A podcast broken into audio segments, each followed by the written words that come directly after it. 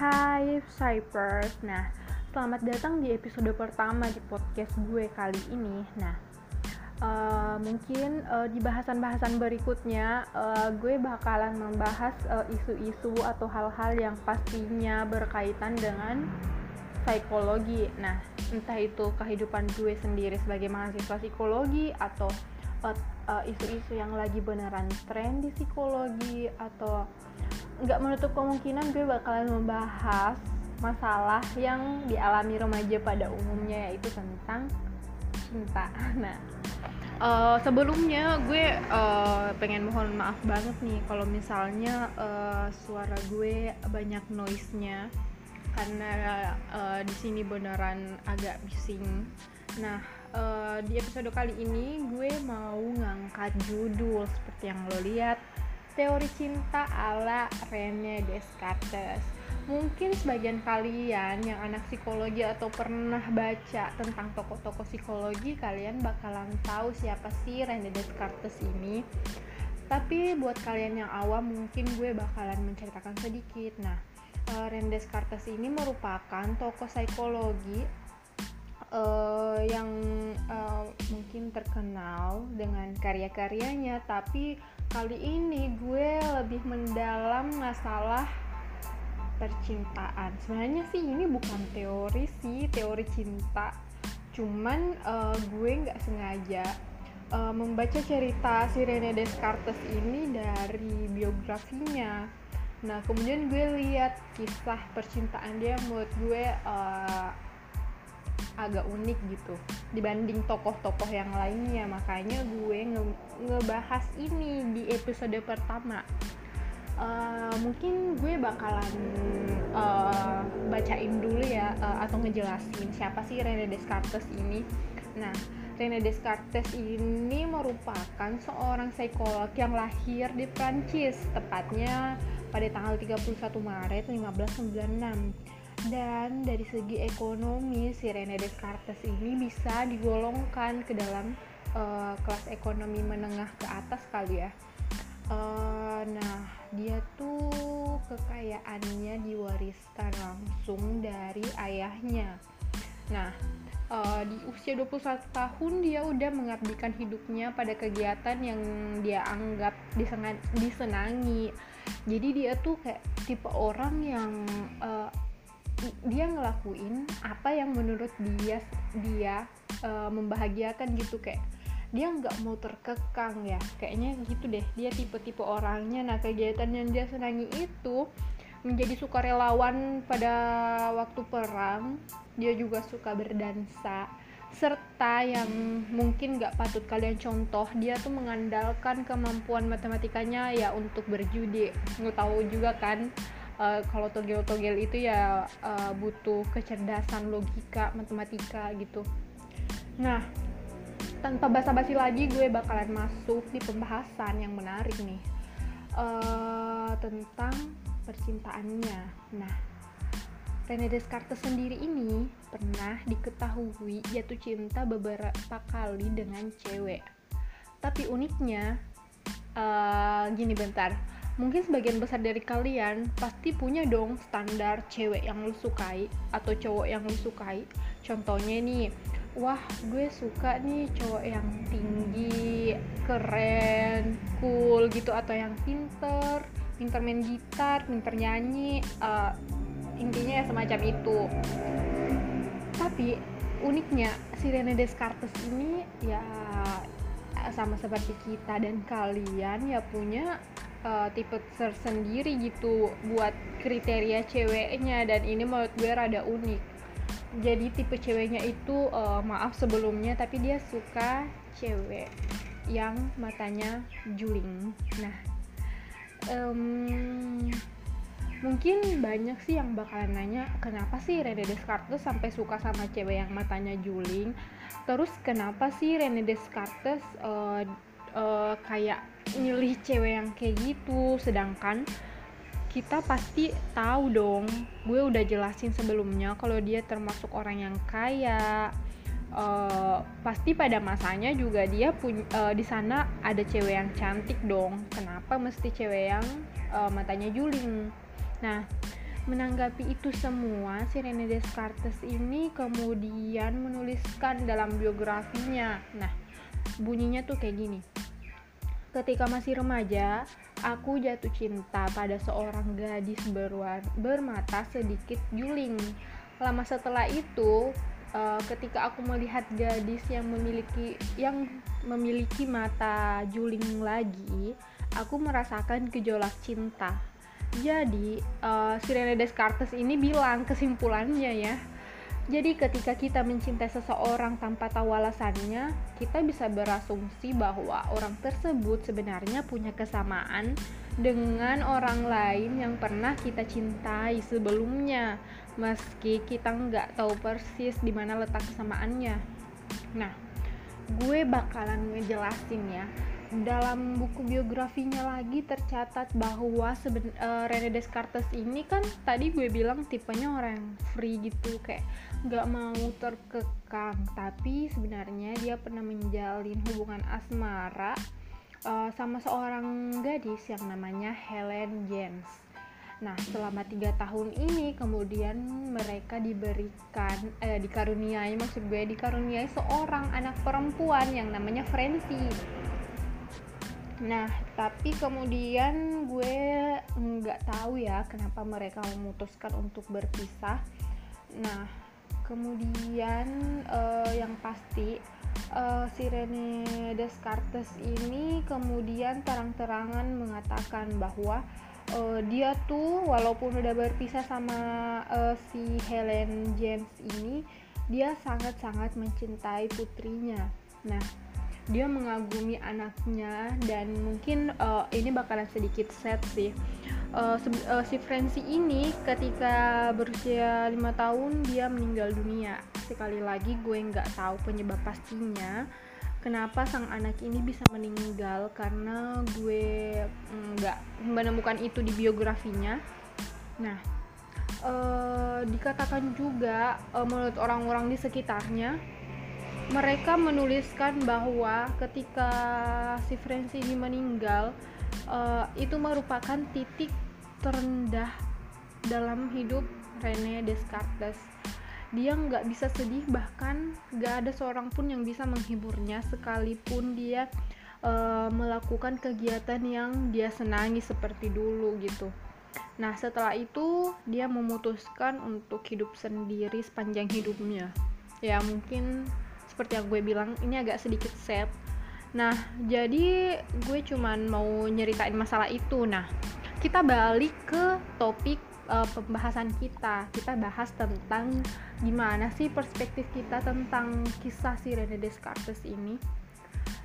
Nah kalau gue pribadi kayak um, lebih mengambil pelajaran itu dari um, kutipannya tentang si cewek juling ini. Nah setelah gue pikir lagi nih ya uh, ini tuh beneran terjadi sama kalian gak sih? Uh, atau sama diri gue sendiri? Ya menurut gue bisa jadi sih. Kayak uh, persentasenya tuh besar banget. Sebenarnya kita lebih tertarik sama orang yang punya setidaknya sedikit kemiripan dengan orang yang pernah kita cintai sebelumnya sadar atau enggak tapi secara psikologis lo pasti emang bakalan ke, trigger gak sih? Entah itu dia uh, misalnya nih gue punya cowok uh, mantan gue uh, orangnya tinggi putih uh, rada di uh, rada dingin ya kayak cuek-cuek gitu tapi kayak uh, sekalinya dia berbuat romantis celah aduh ngakak. Sekalinya dia berbuat romantis gue tuh kayak bakalan berbunga-bunga banget. Nah kalau kita lihat dari sini secara psikologis gue sadar atau enggak ketika gue putus sama si cowok ini si cowok gue ini uh, entah karena gue nggak suka sifat dia karena dingin lah inilah itulah atau gak karena uh, sifatnya kayak pokoknya nyebelin deh sehingga gue putus dan putus gue tuh nggak secara baik-baik.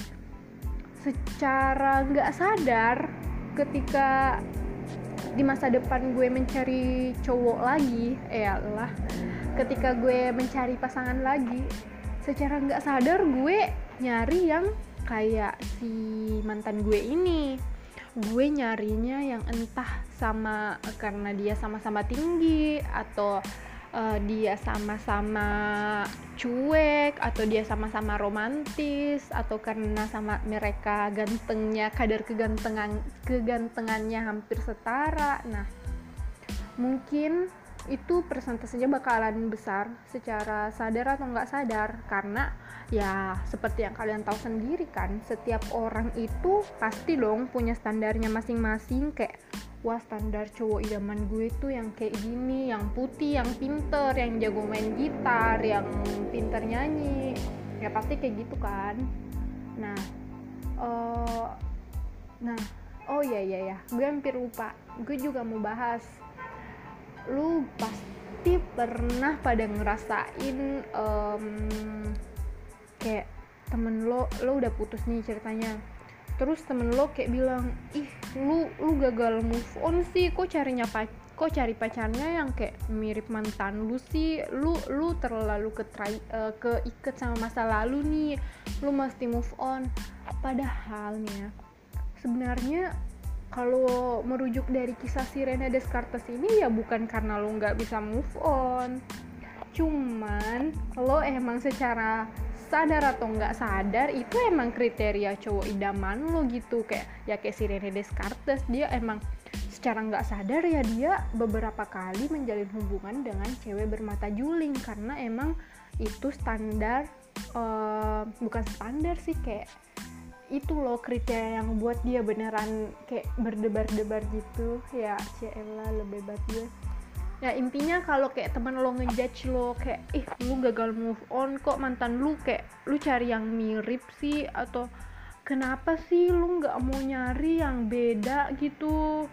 Ya lu kasih tahu aja gitu ke dia. Sebenarnya bukan gue nggak uh, bukan gue nggak move on. Gue tuh cuman kayak emang itu standar cowok idaman gue kan. Bukan berarti karena mereka punya uh, sifat atau fisik yang sama ya berarti kisahnya bakalan sama juga. Ya nggak boleh gitu juga.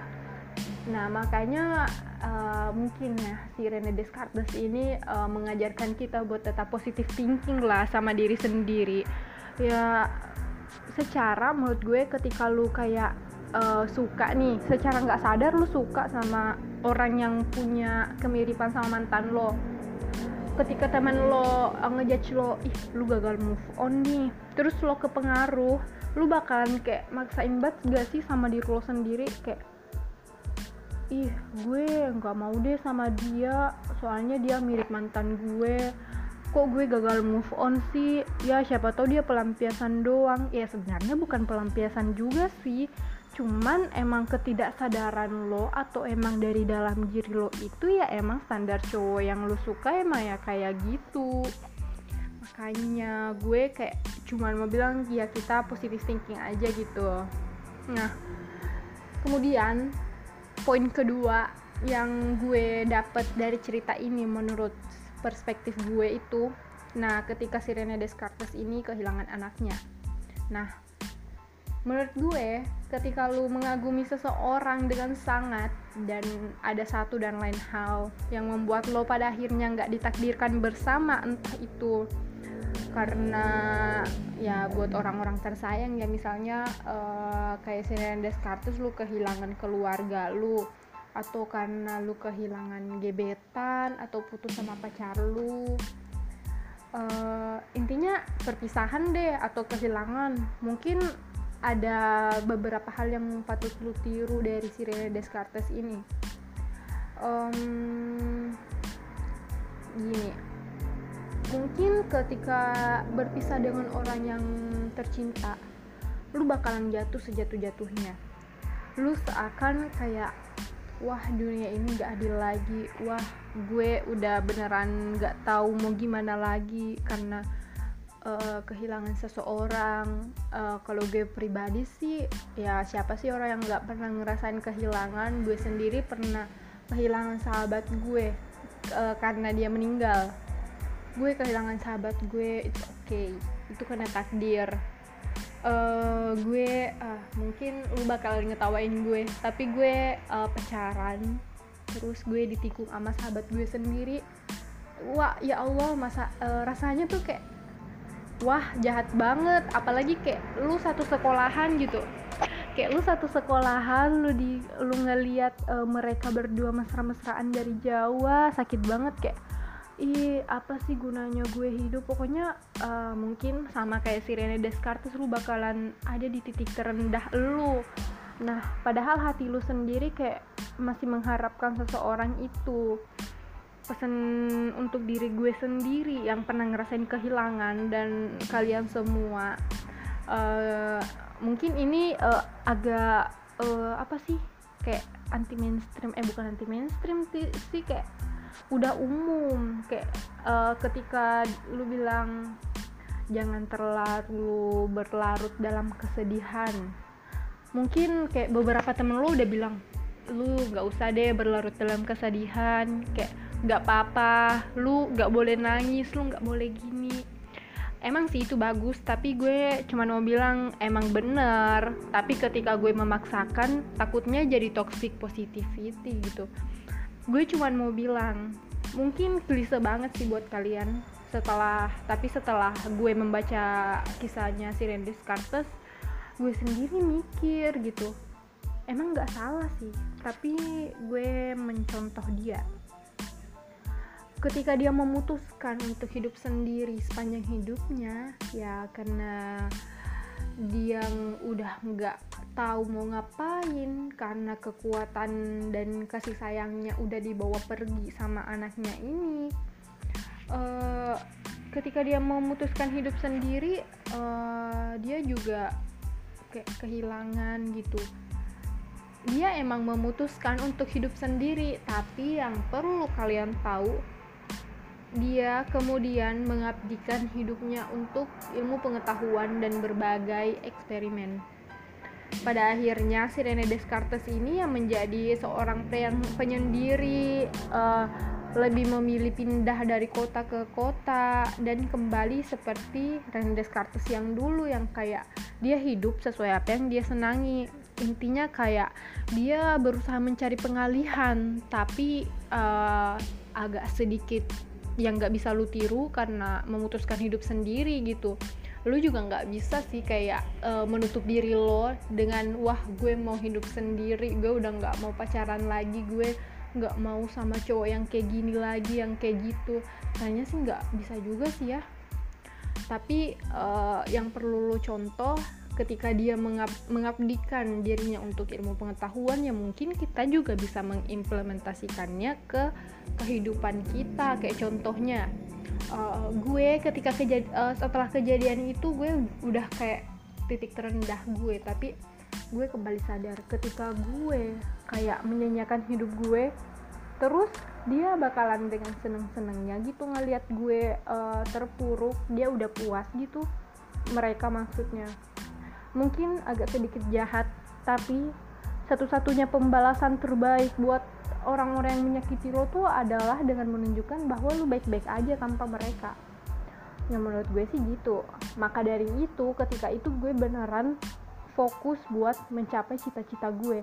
Ketika mereka bilang gue ini seorang yang hanya gue bakalan buktiin bahwa gue bisa menjadi orang yang wow yang luar biasa nah ya makanya sekarang gue lebih fokus ke uh, aktivitas yang gue senangi kayak Rene Descartes kayak gue nulis blog gue nulis cerpen novel gue belajar baik-baik buat uh, kuliah gue gue mendalami apa yang gue sukai aktivitas dan kegiatan. Gue harap bisa mengalihkan semua kesedihan gue di sisi lain bisa uh, membuat gue menjadi seseorang yang luar biasa di masa depan gitu. Nah kemudian uh, itu sih yang menurut gue uh, bisa sim simpulin dari uh, Sirene Des kisah Sirene Descartes ini.